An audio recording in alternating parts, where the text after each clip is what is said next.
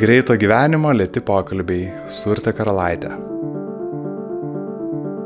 Labas, aš Urte Karalaitė ir tu klausai podcast'o Greito gyvenimo lėti pokalbiai, kur su įvairiais pašnekovais per skirtingas jų patirtis tyrinėjom vidinį žmogų, kad geriau jį supratę, galėtume sklandžiau naviguoti save santykėje su aplinka, savimi, išsikeltais tikslais ar sudėtingomis situacijomis. Šiandien kalbuosi su, pavadinkime jį tiesiog žinomu veikėju - Mykolu Plesku. Apar to, kad jis tikrai turi daugumai mano pašnekovų būdingą aštrumą, man labai patinka Mykolo gebėjimas reflektuoti, klysti, pripažinti, atsiprašyti, keistis. Techniškai skamba paprastai, bet mm, toli gražu ne kiekvienam tai pavyksta, o tobulėjimui, mano manimu, tai be galo svarbu yra. Iš įvairiausių Mykolo paieškų, patirčių ir diskusijų su savimi tikrai galima kažko išmokti. Jei ir tau norisi tobulėti, o šitie pokalbiai ir įvairios išgirstos žmonių patirtis tau padeda aukti, prisidėk prie podcast'o tau tinkama kasmėnesinė suma patreon.com pasvirasis brūkšnys lėti pokalbiai. Su Patreonais turim slaptą Facebook grupę, kur epizodai juos pasiekia anksčiau, ten tarėmės dėl potencialių pašnekovų, pokalbių temų ar klausimų. Prie jos gali prisijungti ir tu. Šį kartą prie podkasto draugų būrio prisijungė Kotrina Almanytė, Ramūnas Minkevičius, Aida Žgauskaitė ir Inga Jurgilienė. Ačiū Jums labai.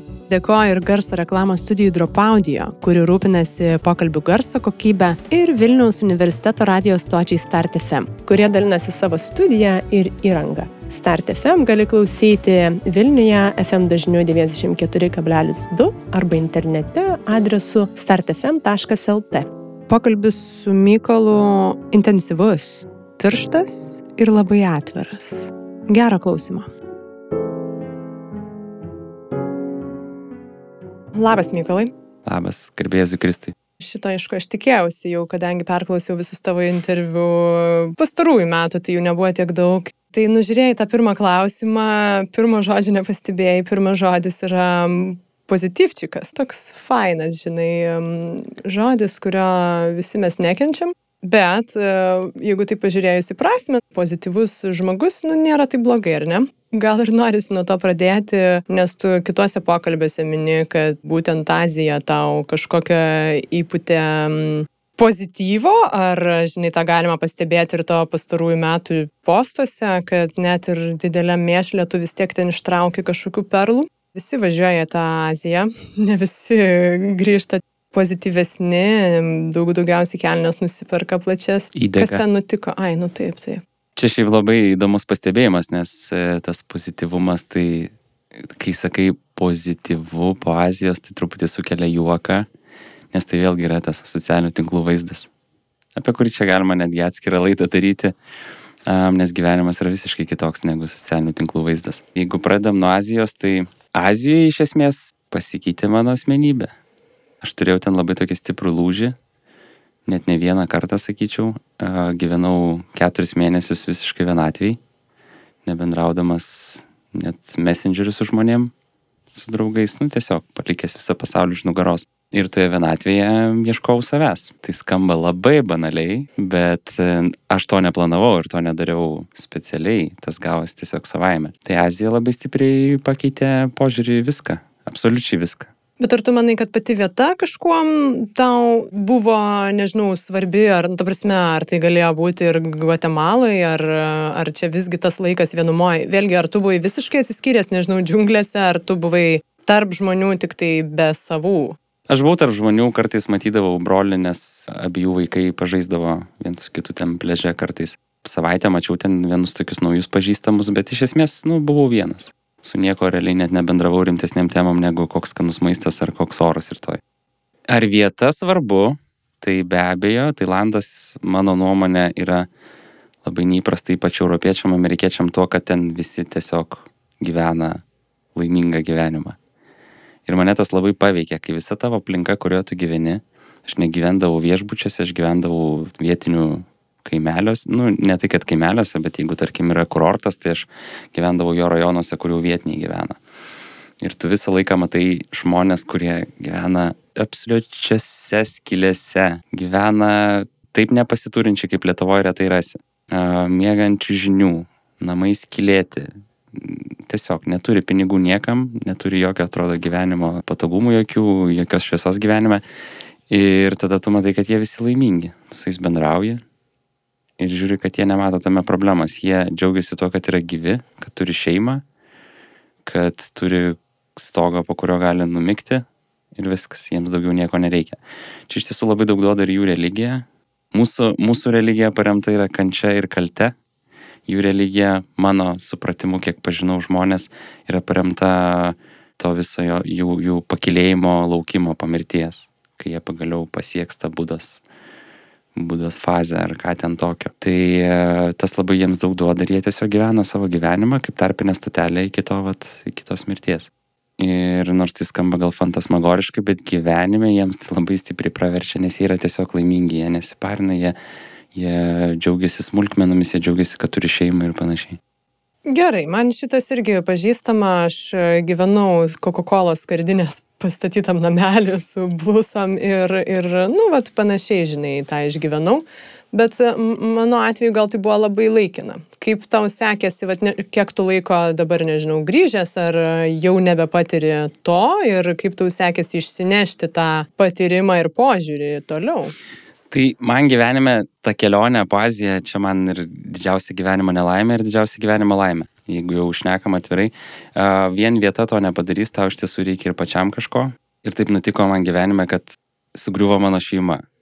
Na, šeimas griūna ne per, ne per savaitę, bet esmė tokia, kad brendo, brendo ir pribrendo ir pagaliau, vat, Azijoje tas įvyko, pagaliau gerai pasakiau.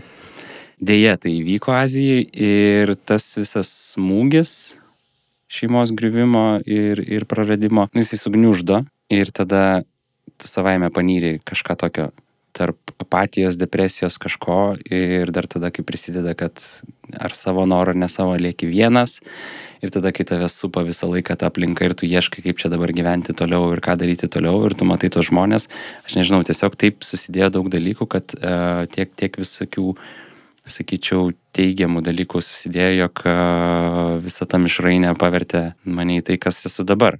Aš tiesiog manau, kad aš esu dabar daug geresnis žmogus, negu buvau prieš važiuodamas tą kelionę.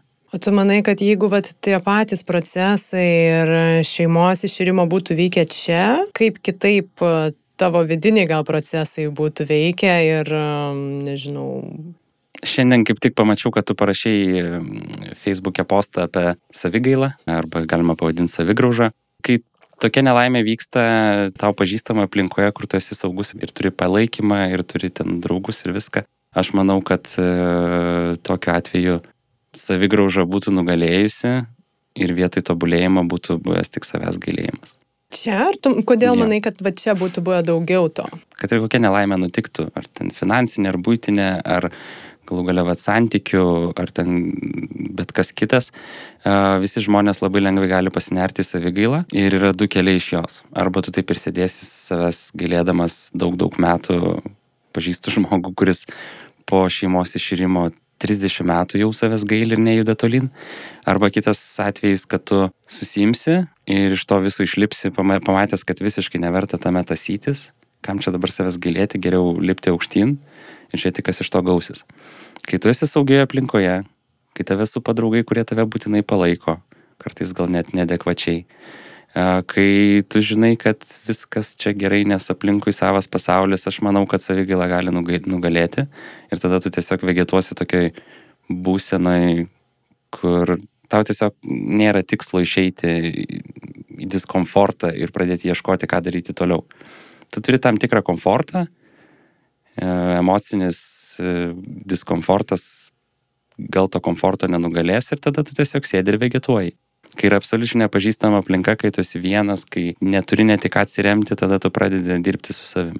Ar nebuvo tavo pirma reakcija, na, tiem pokyčiam įvykus, tam tikrą prasme bėgti pas mamą, nubėgti čia, pas savus, pas e, draugus, šeimą? Pirmas dalykas, kurį aš padariau, tai parašiau Čia buvo vienintelė mano vaikystės draugė, su kuria bendraujam apie visus savo emocinius išgyvenimus, kaip jaučiamės ir panašiai. Tai pirmas dalykas, ką aš padariau, tai nubėgau, parašiau jai žinutę, kas įvyko ir norėjau, kad manęs gailėtų. Reakcija irgi dažnai yra, kad žmonės iš tiesų, bet jeigu tu pasidalintum dabar ar savo aplinkoje, ar su draugais, tai be abejo, nu vargšas Mykolas. Taip, taip, taip, tai ir visiškai tas vyksta. Tiek ten ir iš žmonos, eks žmonos pusės, tiek ir iš mano pusės, nu visi žmonės tiesiog susėmė už galvos ir pergyvena, jei kaip čia blogai nutiko, kaip dabar gyvensi toliau. Tai, nu, čia yra normalu, čia yra normali žmogaus būsena reaguoti kito nelaimę jį užjaučiant, ypač kita nelaimė nėra išgalvota, jinai rimta, tai tada žmonės tiesiog taip daro, o tavo darbas yra arba priimti ir pradėti kartu savęs gailėti, arba padėkoti ir judėti toliau. Iš tiesų to palaikymo, grįžus po kelionės į čia to palaikymo, būdavo dienų, kai labai reikėdavo, žvėriškai reikėdavo, tai svarbiausia neužsikabinti to kaip ant kokio narkotiko ir po to nuolat tai, tai, tai traukti. Kažkada turi sustoti ir pradėti judėti toliau.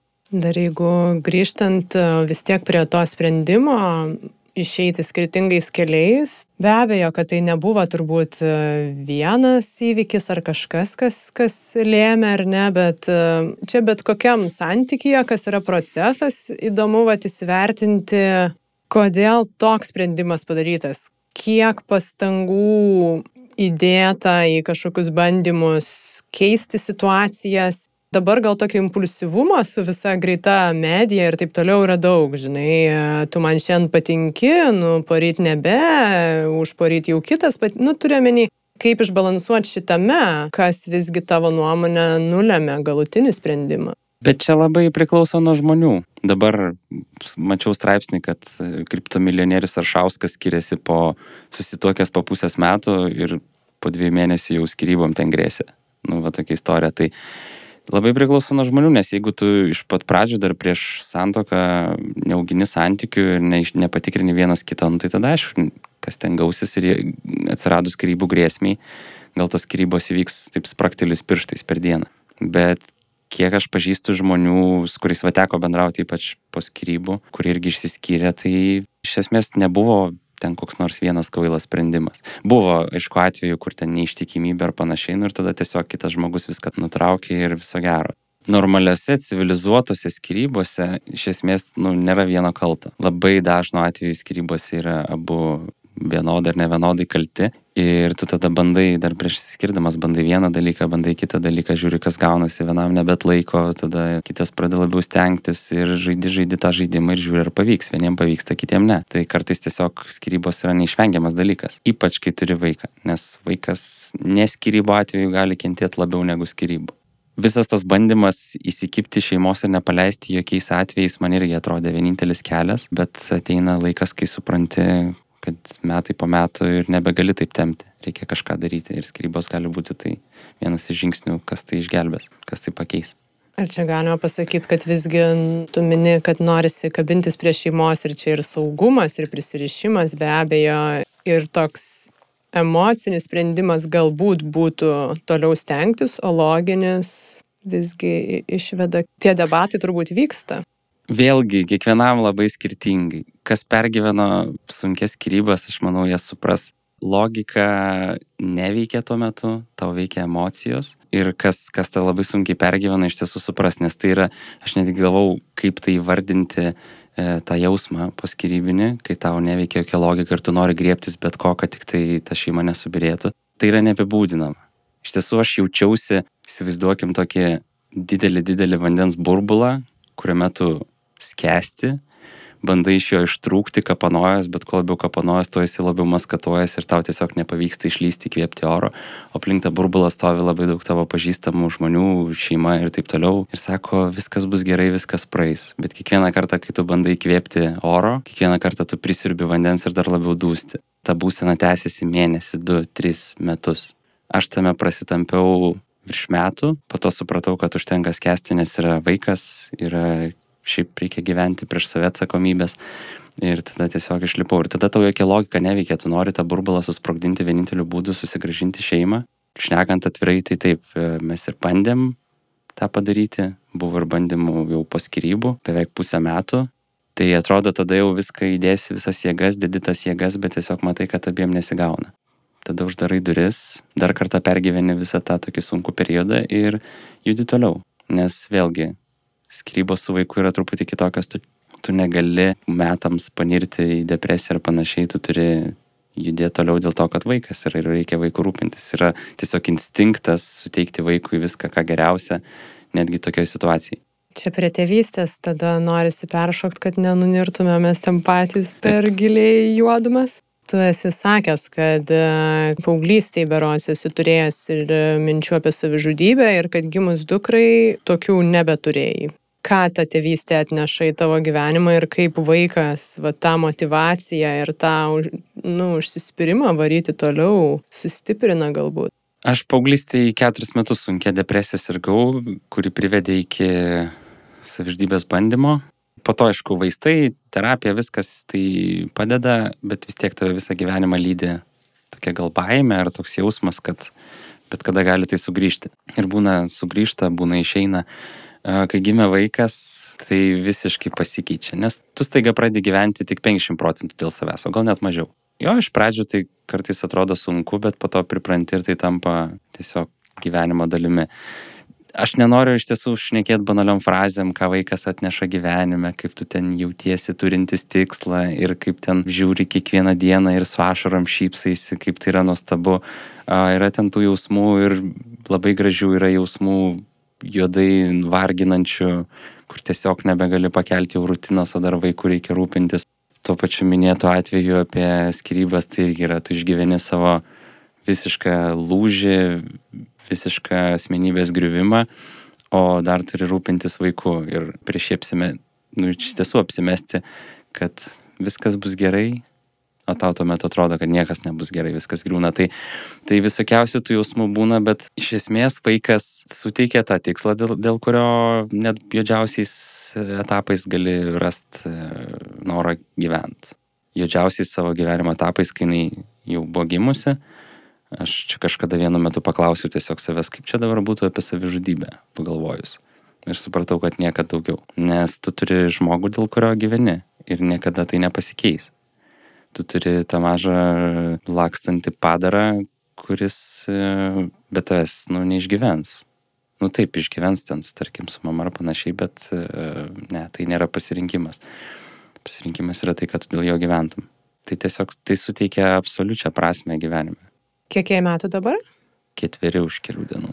Na, tu minėjai, kad e, kažkurio metu tam tikrą apsimetinėjimą, kad viskas bus gerai, bet vad įdomu, kaip jūs vaikui ir galiausiai, ir gal eigoj, kiek bandėt paaiškinti, kas vyksta ir e, kaip toliau bus, kiek jinai suprato, žinojo. Tokio amžiaus vaikas e, neigia jinai viską suprato ir labai stipriai pergyveno, bet e, čia aš nežinau, gal mano gyvenimo laimė, iš tiesų turiu vaiką su žmogum, su kuriuo fantastiškai pavyksta susitarti dėl vaiko auginimo. Netgi kai nenori to žmogaus matyti gyvenime, e, jauti ten visokių piktų jausmų, bet e, skandidantis ir tiesiog dirbi dėl vaiko. Yra tokia labai gera knyga, viena vaikystė dviejai namai, man atrodo, vadinasi. Joje ir kalbama būtent apie tai, kad ir ką jūs viens apie kitą galvojate, įsivaizduokite, kad vaikas yra svarbiausias jūsų gyvenime projektas. Ir kaip verslo partneriai tiesiog susimkite ir pradėkite dirbti, kad duotų dividendus. Normaliam tėvui dividendai yra, kad vaikas užaugęs bus sąmoningas, linksmas, laimingas ir, ir viskas jam bus gerai ir jis galės susitvarkyti su bet kokia bėda. Jo, mano vaikas sunkiai pergyveno skirybas, būdavo savaitėmis pykdavo, lėdavo pykti, kad visi nebe kartu, bet tada tu dirbi, šnekiesi, bandai užimti. Iš tiesų, su tokio amžiaus vaiku tai labai tiesiog užimi jo laiką ir bandai nukreipti jo mintis. Ir tai yra tas kartais sunkiausias darbas, kad tu pats esi visiškai dobėjai ir kasi dar giliau, o tada stovi šypsaisi, žaidi lakstai ir apsimeti, kad viskas yra gerai nes nu, reikia to melo tam, kad vaikas nebūtų psichologiškai sugniuždytas šito dalyko. Išsiskyrusių šeimų yra daugybė, vaikai gyvena kuo puikiausiai, tai tiesiog svarbiausia yra, kad tėvai neperduotų savo nesugebėjimo gyventi kartu, neperduotų savo vaikui viso to juodumo, visų tų negatyvių emocijų, bet ką, ką pikto galvoja apie vienas kitą. Tai reikia slėpti ir to vaiko nerodyti. Dar truputį noriu grįžti prie kitos e, labai pozityvios temos, tai savižudybių tai gali būti pozityvi tema iš tos pusės, kad iš tiesų situacija Lietuvoje labai gerėja.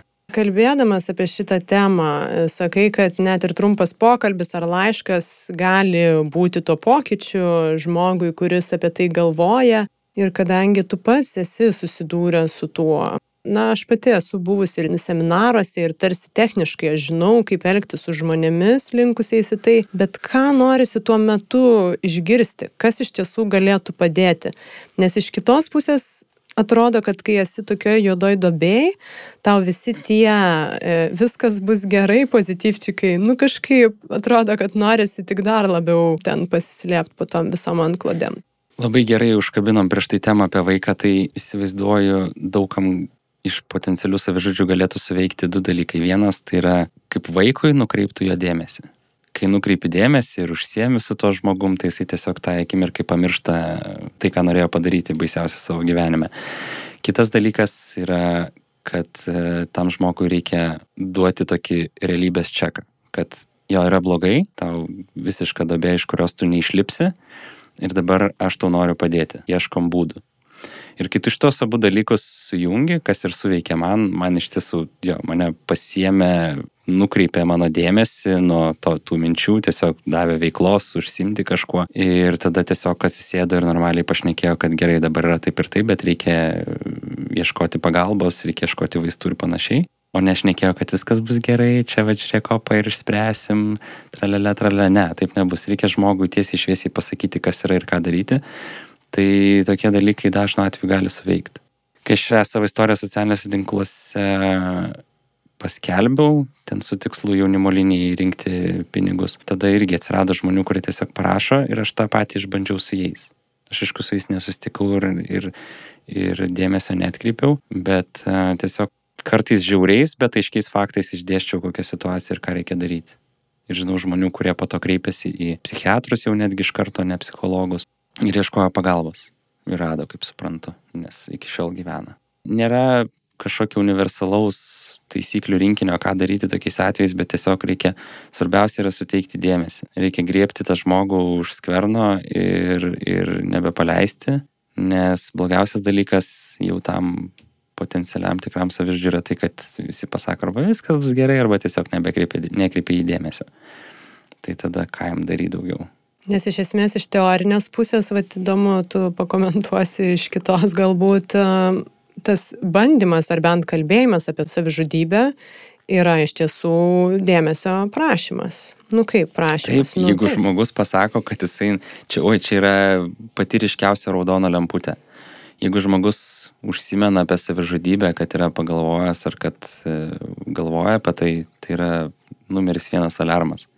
Reiškia, žmogui reikia jau dėmesio ir reikia kažką daryti, nes psichologiškai sveikas žmogus, jisai nu, negalvos, kad nori nusižudyti. Bet dažnu atveju dar ką aš gal norėjau irgi pridėti, kad e, tas pasakymas nebūtinai reiškia, kad jie jau planuoja tai padaryti, bet kad, kad tai yra iš tiesų dėmesio, nu kad jiem reikia tos meilės ir to dėmesio ir jie taip randa būdą paprašyti jos, kas, na, tuo metu atrodo jiem tinkama. Čia kaip mano atveju su pačia depresija, kaip man paaiškino, jinai kilo iš šeimos, aš tiesiog buvau labai problematiškas pauklys ir, ir tada tu tas, vat, kaip tu paminėjai, meilės tiesiog neturi. Nu, nerandi jos. Ir kai tu pradedi jos ilgėtis, taip, tu visokiausiais būdais iš aplinkinių pradedi bandyti jos ieškoti. Ir kai nerandi, tada jau bandai drastiškais būdais ir jo šnekėjimas apie savižudybę gali būti bandymas atkreipti savėdėmėsi. Taip, tai yra labai kaip čia pasakyti, netinkamas būdas, nes, nu, netokiais būdais turi ieškoti meilės, bet tam, kas girdi, manau, kad labai svarbu atkreipti dėmesį, kodėl tai jau vyksta ir kodėl žmogus apie tai kalba. Nes gal tada jam tiesiog ir užtektų pokalbio. Arba praleisti savaitgalį kur nors miške prie laužo kartu. Ir jisai tiesiog permastytų savo gyvenimą ir ko jisai nori. Nes depresija užstrigę žmonės, jie tiesiog nu, nemato jokio tikslo, jie nežino, kur eiti. Tiesiog vegetuoja lovoje ir jiems niekas nebesvarbu. Ir kartais vienas vakaras ar savaitgalis kur nors su jiems svarbiais žmonėmis, tai gali pakeisti kryptį. Kai žmogus suranda kryptį, tada gal ir baigėsi visi emociniai nestabilumai ir žmogus atranda tikslą. Jeigu grįžtant į dabar, kaip ta situacija galbūt viduj tau pasikeitė ir kur tu tos meilės ieškai dabar? Net ir santykiams iširus ar ne, jeigu ten jos nėra ir, na, visiems gyviem, ne, ne gyviem organizmam, o tik žmonėm turbūt jos tokios tiesioginės reikia. Mums jas reikia, ar, nu, nežinau, ar tu paneigsi. Taip, aš manau, kad žmogus be meilės, be ryšio su kitais, be socialinių ryšių, jisai, nežinau, antžmogis. Visiems žmonėms to reikia. Aš esu šeimos žmogus iš tiesų. Man šeima yra numeris vienas vertybė prieš viską. Sunkiausias dalykas po skirybų, tą visą ilgą periodą, buvo suvokimas, kad tu dabar to nebeturi ir neaišku, kada turėsi nežiūriu aš ten drastiškai, kad niekada gyvenime nebeturėsi šeimos, žinai, logika sako kitaip, tu reikia kartais logiką vadovautis. Žmonių pasaulyje daug ir tikrai gali sutikti daug savo artimų žmonių, bet tas noras turėti šeimą toks stiprus, kad jai griuvus tiesiog tu nebežinai kaip gyventi, nes neturi tikslo gyvenime. Man yra va taip. Aš jeigu neturiu šeimos, man atrodo, kad aš neturiu tikslo. Ir tada tu atsisuki vaiką. Aš išgirdau labai gerą patarimą visą savo neišpildytą meilę, kuri dabar dega pragaro lepsnuose, kreipki vaiką. Ir kai man tai pasakė, aš kažkaip kreivai pasižiūrėjau, bet po savaitės nusprendžiau tai padaryti ir tiesiog, nežinau kokiais būdais, tai gal sunkiai paaiškinama, bet tiesiog pabandžiau viską, ko nesugebu išpildyti. Skaudi meilė, kuri pavirsta savęs gailėjimu ir kokiu nors liūdėsiu, visą tai verčiau į šimtaprocentinį dėmesį vaikui. Pernai metais jinai labai stipriai pergyveno tas skirybas ir su ja buvo labai sunku susikalbėti. Vaikas, nesuprasdamas, kas vyksta, labai daug pykčio netgi išlėdavo ant manęs, ką patiliukais reikėdavo sugerti. Tas visas nukreipimas, neišpiltas meilės labai stipriai suveikia ir mano ryšys dabar su yra kaip niekad geras, kaip keistai tai beskambėtų. Ir tada pradedi gauti dividendus kad ir kaip tau blogai būtų, kad ir kokia ten bloga nuotaika ar blogesnė diena ir tada tu gauni visą tą meilę atgal, kaip kad vakar jinai tiesiog visą vakarą lakstė ir pribėga lygioje vietoje ir tiesiog apsikabina ten ar bučiuojasi, kas jai nėra įprasta, kad lakstytų kas minutę taip. Tu pradedi tą gauti ir tau tada tas meilės poreikis tau yra patenkinamas.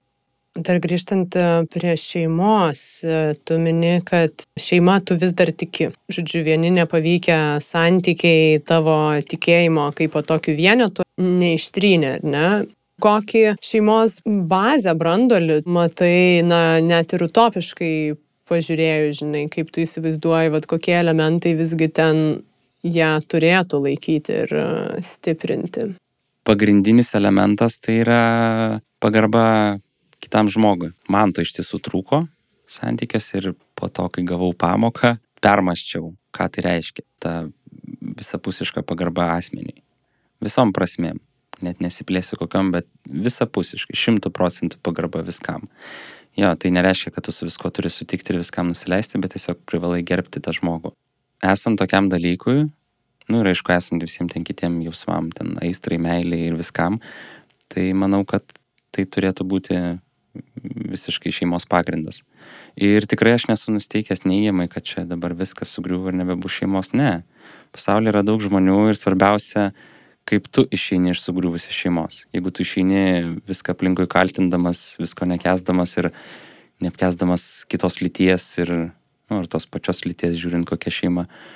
Ir jeigu tu išeini toks ir nieko nepasimokai, nieko nepasiimi iš to, tai aišku, skursi kitą šeimą bus tas pats. Bet jeigu tu sugebi išspręsti problemas, kurios buvo labai aktualios tavo santykiuose, tai tada kita tavo šeima gal net bus geresnė ir visiškai ilgamžė. Ir dar kalbant apie santykius, tu mini, kad uh, tiki tik monogamiškais santykiais, neištikimybė ne opcija dabar tokių visokių krypčių, žinai, išlaisvėjus jau tiem santykiam ir tų modelių įvairiausių jau tam tikram ir prieimimui, ir pateisinimui. Na, žiūrint ir taip, poros santykiai ir seksualinius, tarkim, santykius per ilgą laiką su kitu žmogum yra didelė galimybė nuobodulio, kažkokių naujų vėjų poreikiui ir kaip tu įsivaizduoji tada, kokie čia gali būti sprendimai, nes dažniausiai turbūt čia ir ieškoma yra, žinai, ar tai atvirų santykių kažkokių modelių, ar lengviausias galbūt kažkoksai slaptas ar ne planas neištikimybės. Šiais laikais tų šeimų formų visokiausiai yra ir kaip žmonėms geriau gyventi, jeigu jie gyvena, bet aš tiesiog asmeniškai aš nesuvokiu kitokių santykių negu monogamiški man yra nesuvokiama, kam tau būti su žmogum, jeigu tu nori būti jam neištikimas. Nes mano supratimu, vat, būtent šeima, santuoka ir viskas yra tai, kad tu esi šimtų procentų atsidavęs kitam žmogui. Jeigu tu eini pas kitą kartais ar dažnai, kam tau tada likti su tuo žmogum. Bet čia yra visiškai mano asmeninė nuomonė. Taip, daug kas kalba apie tą problemą, kad prabėgus 20-30 metų santokoje tiesiog rutina viską nužudo ir jau arba turi ieškoti kitos krypties, arba e, skirtis. Esu apie tai galvojęs, skirybos yra viena, vienas iš būdų tikrai esu girdėjęs atvejų, kur žmonės išsiskiria, pasilaksto ir po to vis tiek sugrįžta kartu, nes ne seksas, ne seksualiniai santykiai yra svarbiausia šeimoje ir žmonės sugrįžta viens pas kitą dėl to, kad svarbiausia yra, kaip tu gyveni būtyje kartu ir kokia tavo, kaip susirišę tavo emociniai pasauliai. Jo, yra tų variantų, kur žmonės ieško papildomų partnerių, tiesiog į savo šeimą ir panašiai. Aš nežinau, visi tie variantai iš esmės yra teisingi, gal kažkada ir man ateis po 30 metų gyvenime toks laikas, kai man reikės apie tai kažką galvoti, bet šiame gyven, gyvenimo etape man monogamiški santykiai yra primtiniausi. Netgi ta neištikimybė, aš manau, jinai puikiausiai išsprendžiama to, kad tai gali būti abiejų žmonių sustarimas. Yra tikrai tokių šeimų, kurie yra sutarę, kad tiek ir tiek kartų, ar ten su tais ir tais žmonėmis jie gali eiti į kairę. Ir tai santokas kartais išgelbė. Jeigu žmonėm tai tinka, jeigu santoka iš to tvirtesnė, jeigu uh, vaikai iš to laimingesni ir nereikia greuti šeimos, tai prašau, nieko tame blogo, bet ne man priartėjom prie klaidų tam tikrų ir, ir va čia įdomu apie atleidimą pakalbėti ir truputį plačiau gal atsitraukti nuo santykių ir šeimos. Ir man tokia įdomi tema ir tu kažkur ją lieti buvusių kalinių prieimimas visuomeniai arba kažko rimtai prisidirbusių žmonių ir dar šiandien greitai perskaičiau apie BMW stotelės, žodžiu, istoriją, tavo komentarą. Tai kaip čia tu žiūri? Žmonės iš tiesų labai apsišika. Ir, ir ne tik patys, o šitais atvejais dar ir sužaloja, žinai, kažkieno gyvybės ar visuomenės. Ir kaip čia yra? Ar, ar tas žmogus gauna antrą šansą ir, ir turi parodyti, vat, kaip jisai keičiasi, ar visgi jisai moka tą kainą? Neapykanta, pyktis ten už klaidas žmonių ar panašiai, man yra vienas labiausiai ieškomų dalykų mano galvoje, išieškomų, nes aš irgi bandau suprasti, kur yra tiek mano riba, kur turi būti visuomenės riba, kas yra atleidžiama, kas netleidžiama. Aš pats esu labai linkęs heitinti, pykti. Kažkada iki vėlyvos paauglystės buvau labai užlinčio teismą, galvau, kad tai yra labai gerai kai kuriais nusikaltimo atvejais. Ir šiaip esu, esu labai stipriai linkęs pykti, kai kas nors man ypač ką nors padaro, pykstu ir pykstu. Bet tada pradedu ieškoti, kaip iš to išeiti. Nes iš esmės pyktis ar neapykanta kitam už jo klaidas ar panašiai, tam žmogui jau yra vienodai. O tau ne, nes tave tai sodina. Kiekvienas pyktis tavo viduje, jisai sodina, tiesiog tavyje velėsi, ta visa juoduma auga ir iš to tu negauni absoliučiai nieko gero. Kad tu kažko nekenti, ant kažko pyksti, iš to tau nulis visiškai nieko gero. Gal tai paskatina vienam kartui kažkur pajudėti ir kažką padaryti, surinkti ten lėšų kokiai nukentėjusiai šeimai ir panašiai, bet uh, ilgainiui tai tik juodina tavo vidų. Ir man yra didžiausias klausimas, kaip tą pyktį ar kažkokių klaidų netleidimą iš savęs išvykti. Ir kalbant apie kalinius arba tokius va, BMW stotelių daužytojus ar panašiai, Aš net negaliu atsakyti, nes nesu nusispjausiu per petį tris kartus, bet nesu nukentėjęs nuo tokių nusikaltelių. Visada galvojau, ką daryčiau tokiu atveju. Didžiausią įspūdį gyvenime man paliko Breiviko aukų tėvai. Buvo net ne vienas vaizdas iš teismo salės. Aš galvau, ką aš daryčiau jų vietoje. Aš tikriausiai toj teismo salėje būčiau lipęs per visus suolus ir jį ten už, uždaužęs. Tiesiog a, tie žmonės tiesiog sėdėjo, verkdami ir tada jam pasakė dar viešai, kad jam atleidžia. Man tai yra neįtikėtinai gražu, bet tuo pačiu ir labai sunkiai suvokiama, nes aš savyje to dar ne, neįsivaizduoju, kaip reiktų savyje tai atrasti. Tokią jėgą nepykti, atleisti ir tiesiog sustaikyti su faktu.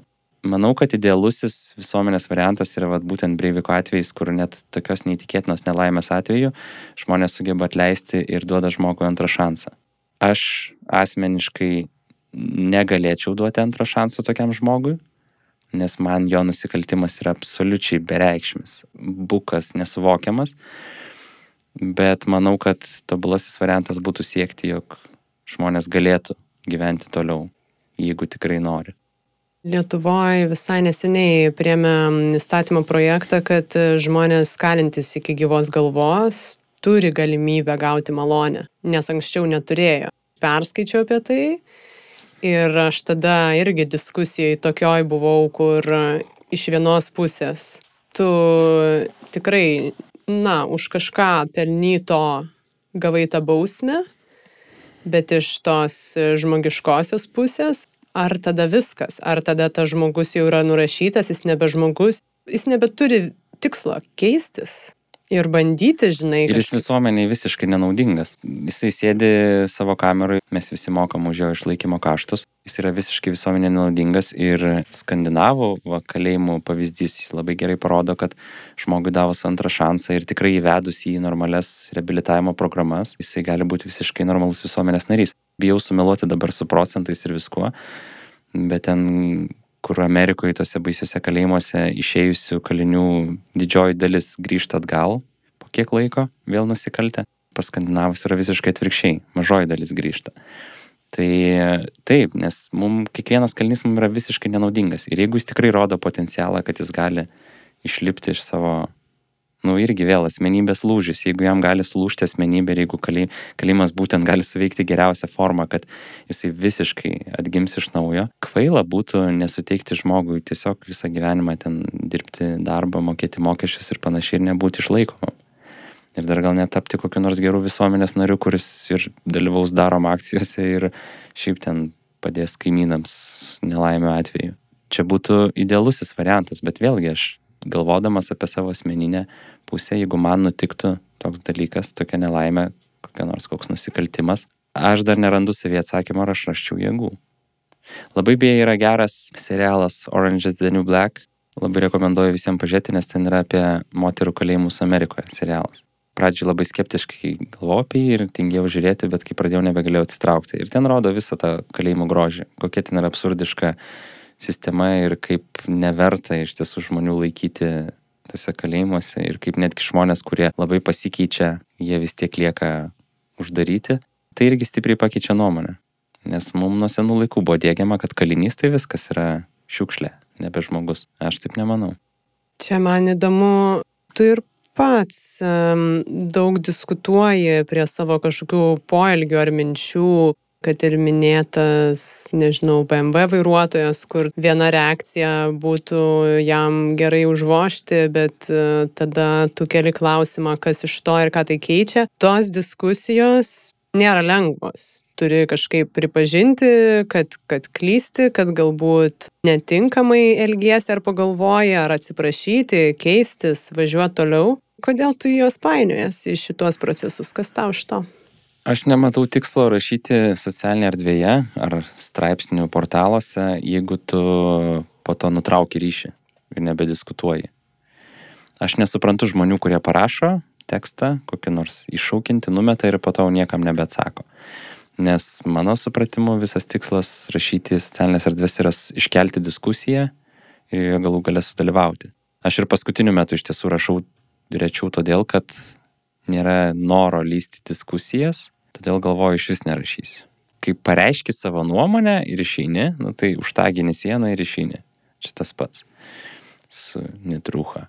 Kas man yra iš tiesų nutikę ir man tai labai patiko, kad diskusijų metu pasikeitė mano paties nuomonė. Ir aš supratau, kad, okei, okay, gal šitas požiūris nėra visai teisingas. Čia įvairiom temam tikrai buvo tokiu atveju prieš gerus dešimt metų aš buvau iš tų žmonių, kurie neklausydavo visiškai kitos nuomonės. Mano nuomonė teisingiausia ir aš žinau geriausiai.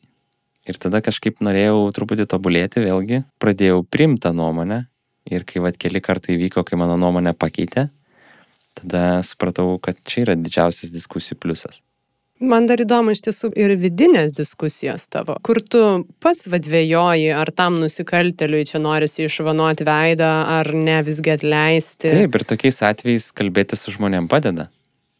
Nes yra tokių temų, kur tu nežinai, nesitikras dėl savo pozicijos, tada prisiklausai, parašai tekstą, prisiklausai žmonių nuomonių ir susirenki daugiau argumentų į vieną ar į kitą pusę. Tai taip, tai padeda ir, ir, ir tau pačiam. Bet svarbiausia, kaip pats tai priemi. Jeigu priimsi priešiškai kiekvieną tau prieštaraujantį žmogų, tai tada nieko iš to gero nebus. Prie socialinių medijų dar įdomu, jau turbūt e, nenuneigiamas faktas, kad neigiamos žinios, pavarimai visokie sulaukia daugiau dėmesio, jie labiau klikinami negu pozityvus kažkokie tai Dešimt kartų darė tyrimą, gi Facebook'e, labai seniai čia neatsimenu, bet dešimt kartų didesnis reakcijų kiekis neigiamas naujienas. Tai aš nemanau, kad mes sugebėsim atsakyti, kodėl taip yra, bet i- iš kitos pusės e, liūdna, nes žmonės iš tiesų kaip ir ne visai samoningai renkasi save užversti neigiamom emocijom negu, negu teigiamom. Nu, vad kaip tau atrodo, ar čia ir iš tavo profesinės gal pusės, žinai, kodėl jisai linkęs. Negalima generalizuoti, bet aš iš tiesų manau, kad dauguma tų žmonių, kurie labai šneka neigiamai, dalinasi visko neigiamu ir ant visko pyksta, na, jie iš tiesų yra nelaimingi. Ta visą savo nelaimę, nepasitenkinimą gyvenimu, visą tą nesugebėjimą gyventi produktyvesnio ir geresnio gyvenimo, jie išlieja tą pyktį komentaruose. Arba platindami tą pačią neigiamą informaciją, čia nesvarbu, pasigauna kokią piktą temą ir ją platina. Ir tai darydami jie trumpam užmiršta savo bėdas. Čia mano yra tokia nuomonė. Jie pasidalina piktų komentarų, ant ko nors užvėmė ir jiems palengvėja tą akimirkai. Ir tai vėlgi veikia labai emociškai, nes tau jeigu palengvėja bent penkiom minutėm ir tu užmiršti tai, kad tavo visas gyvenimas susideda iš rutinos darbas telikas, darbas telikas, dar įtraukim ir alkoholį, tada tos penkios minutės tokios palaimos. Kitam blogiau, aš dabar ant jo užvarysiu, tos penkias minutės tavo labai tampa, nu, tokiu tampa narkotiku, kur tu nebegali sustoti. Nes kai tu nekenti kito, tu pamiršti galvoti apie savo problemas. Bet čia įdomu, reikės man e, kokio psichologo, kada irgi paklausti, nes, nu, va, aš nelaikyčiau savęs tuo piktu ir nelaimingu žmogum, bet uh, jeigu mane dabar pasodintų, lieptų skrolinti Delfį ir spausti kažkokias nuorodas, kurios, nežinau, kažkodėl mane patraukia, yra tikimybė, kad aš spausčiau neigiamas. Daugiau. Taip, jos traukia, visus žmonės. Bet tai čia ir įdomu. Nu, gerai, Taip. mes turbūt ne, ne, nesugebėsim šito. Visus, jo, mes nesugebėsim, nesam psichologai, bet visus žmonės tai traukia. Klausimas, kaip tu į tai reaguoji. Nes, pažiūrėjau, šį neigiamą informaciją, nu, stengiuosi net nebereaguoti. Ir tuo labiau neperduoti jos savo, savose ratuose. Stengiuosi kaip tik kalbėti apie įdomesnius dalykus, negu ten kokios nelaimės, pykčiai ar kažkas.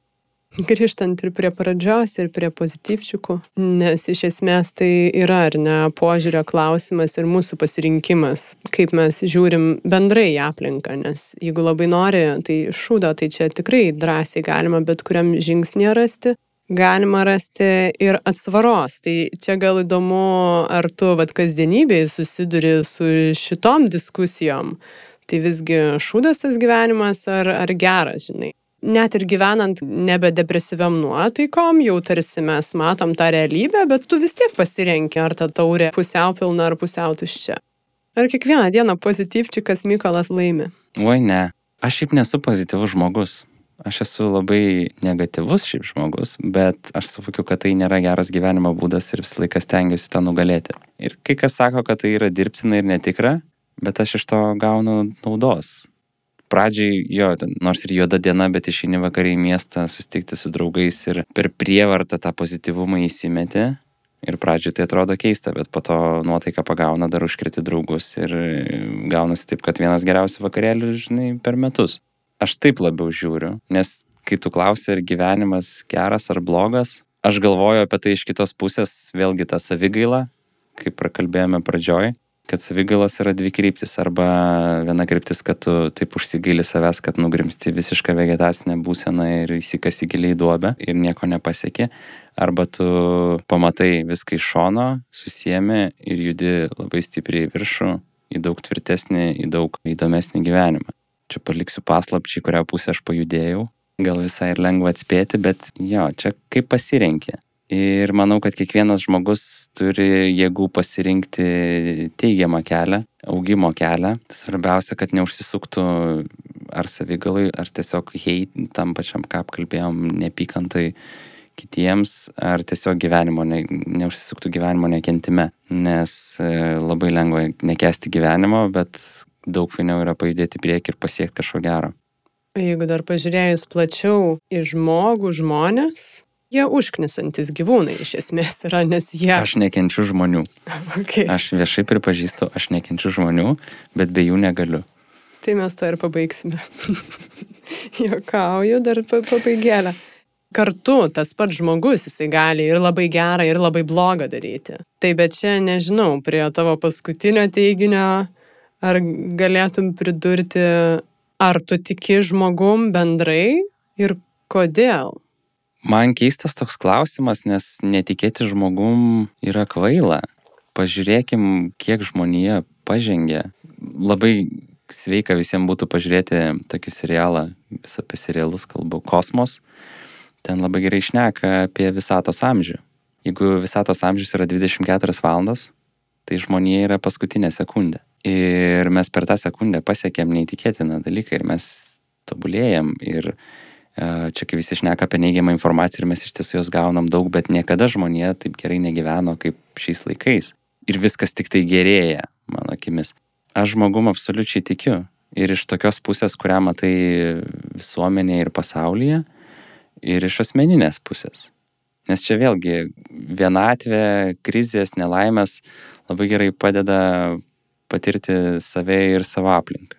Per mano, pavadinkim šitą visą krizę ir nelaimę, buvo žmonių, kurie labai stipriai nuvylė kur niekada negalėčiau patikėti, kad tie žmonės galėtų būti tokie. Bet buvo žmonių ir tikrai nemažai, kurie mane absoliučiai nustebino, kur aš net nebūčiau pagalvojęs, kad tie žmonės gali būti tiek gilus ir emociškai stiprus. Ir tada tu atrandi tokius dalykus ir, nu, kaip tu gali netikėti žmonėm.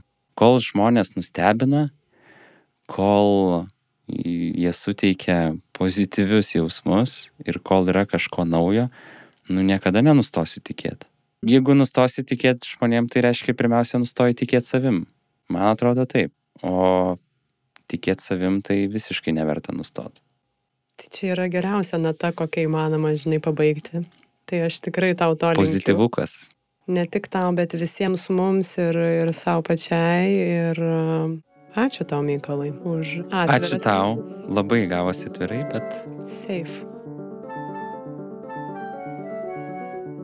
ačiū tau už tą Ačiū, kad klausėtės. Pokalbis tikrai buvo intensyvus ir nebūtinai patogus ir mums patiems labai atviras. Esu tikrai be galo dėkinga Mykolai už pasidalinimą ir pačiam jam nebūtinai patogiom situacijom ir patirtim. Dar po pokalbio Mykolas mini, kad jam tikrai labai padėjo po skirybų pokalbiai su kitais išsiskyrusiais žmonėmis. Tai jeigu jūs susidūrėte su tomis situacijomis ir viskas atrodo juoda ir kad niekada nepasikeis, tai gali būti ir jums į naudą. Nepraleiskit naujų epizodų sekdami podcastą Instagram ir Facebook paskiruose arba prenumeruodami jį. Beje, jei jums patinka tai, ką girdite, parašykite atsiliepimą Facebook ar iTunes platformose. Priminsiu, kad prisidėti prie podkasto gyvavimo galite patreon.com pasvirasis brūkšnys lėti pokalbiai. Kiekvieno prisidėjimas podkastui, kad jis galėtų toliau važiuoti pirmin, tikrai labai svarbus. Podcastas įrašytas Vilniaus universiteto radijos stoties Start FM studijoje. Tai bendruomenės kūriamas radijas, kuris transliuoja alternatyvę muziką, kultūrinės ir šviečiamasis laidas. Start FM gali klausyti Vilniuje FM dažniu 94,2 ir internete adresu startfm.lt. Su jumis buvau aš, Urte Karalaitė. Iki kitų kartų.